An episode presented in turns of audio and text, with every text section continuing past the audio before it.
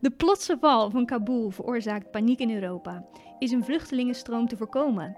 Welkom bij een nieuwe podcast van EW over het coververhaal van deze week. Mijn naam is Fleur Verbeek en ik spreek vandaag met buitenlandredacteur Robert de Wit en Brussel-correspondent René van Rijkenvoorzel over hun kijk op de situatie in Afghanistan. Welkom heren. Dank, Fleur. Robert, ik begin met jou. Als we kijken naar Kabul, hoe verklaar jij die razendsnelle overname door de Taliban? Ja, razendsnel, was het wel de afgelopen weken. Maar we moeten toch niet vergeten dat, uh, dat ze eigenlijk al, al jaren uh, steeds dringender aanwezig waren in het hele land. Eigenlijk al sinds 2018 zou je kunnen zeggen. En dat was misschien wel voornamelijk op het platteland. Uh, maar ze waren er dus al wel. Um, ik denk dat de aanwezigheid van de Amerikanen en ook de bondgenoten, die het Afghaanse leger toch, toch heel erg steunden, ook met luchtsteun, dat, dat, dat dat de Taliban heeft tegengehouden om, om openlijker de macht te grijpen. En ja, toen Joe Biden, de Amerikaanse president, afgelopen voorjaar duidelijk maakte dat de Amerikanen echt weggaan um, voor 11 september, maar eigenlijk al voor 31 augustus, dat heeft de Taliban natuurlijk wel veel zelfvertrouwen gegeven om nu toch dat, dat grotere, uh, maar veel zwakkere Afghaanse leger het hoofd te bieden. En je zou kunnen zeggen dat de laatste weken dat de Taliban in een in een overwinningsroes waren en, en, en het Afghaanse leger in, in een, in een nederlaagroes eigenlijk. Dus als het eenmaal misgaat, dan raak je gedemoraliseerd. Ja, en, en toen ging het, ging het heel snel. Biden gaf in zijn toespraak afgelopen dinsdag min of meer de schuld van deze afgang aan het Afghaanse leger. Hij verweet hen, ondanks de Amerikaanse miljarden voor uitrusting, voor uitgebreide training, hen eigenlijk het gebrek aan de wil om voor hun land te vechten. Waarom was er zo weinig weerstand nou, uh, Biden heeft wel een beetje gelijk. Want ik denk dat hij ook een beetje eh, dat de zaken verkeerd zijn voorgespiegeld door zijn um, militaire staf. Um, die hebben natuurlijk de afgelopen twintig jaar hebben ze in totaal, nou, ik meen 88 miljard dollar in het Afghaanse leger en de veiligheidsdienst uh, gestoken. Ja, en dat ga je natuurlijk niet zo makkelijk toegeven dat dat eh, grotendeels ook is verdwenen. En dat is gebeurd. Er was veel corruptie. Ik denk dat veel geld ook, uh, ook naar het buitenland is verdwenen en misschien wel naar de golfstaten. Um, maar goed, er werd volgehouden dat het, dat, dat het leger goed uitgerust was en um, dat er 300.000 soldaten waren. Nou, die waren er vooral op papier.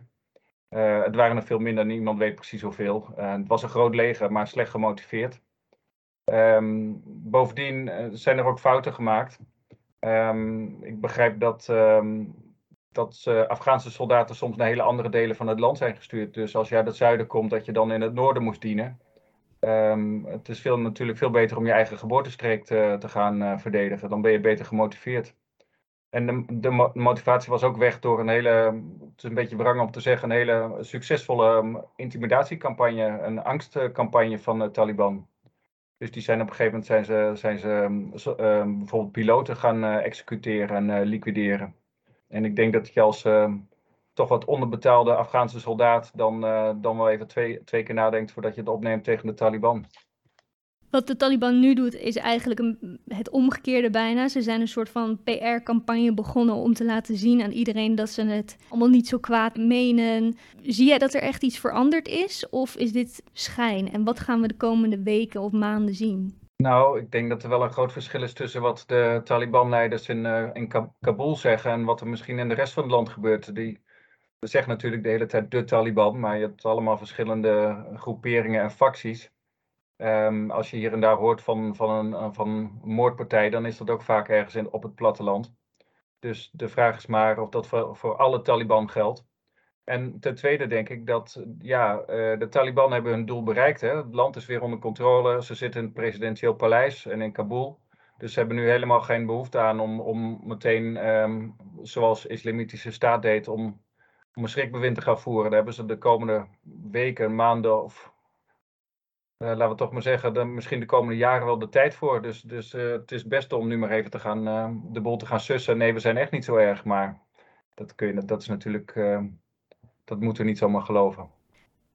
En nog een ander triest gevolg van uh, wat we gezien hebben deze week is natuurlijk de enorme vluchtelingenstroom die nu op gang gaat komen. Dat is natuurlijk vooral onderwerp van gesprek in uh, Brussel. René, is Europa klaar in jouw optiek voor een toestroom van honderdduizenden of misschien wel miljoenen vluchtelingen?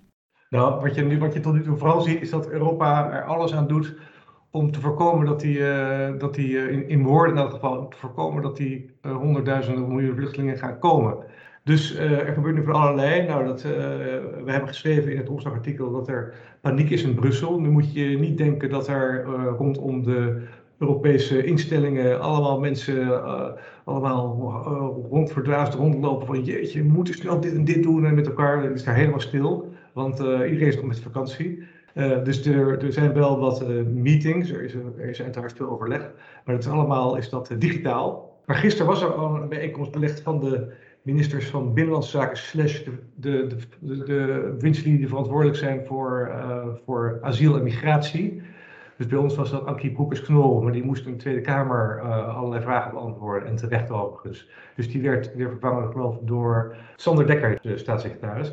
Maar goed, die, uh, in elk geval, die, uh, hebben, die hebben dus um, gisteren met elkaar gesproken. En dat ging eigenlijk over een nieuw fenomeen in de, dat foute landen migranten gebruiken, misbruiken als, als, als wapen in, in diplomatieke en conflicten, ook in oorlogsconflicten. Zoals nu dus Lukashenko doet met, met in Wit-Rusland.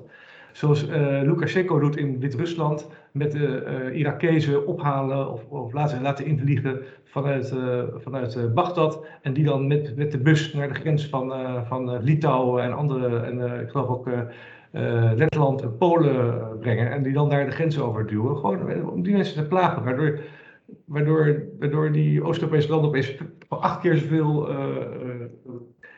migranten uh, asielzoekers binnenkregen als, uh, als voorheen.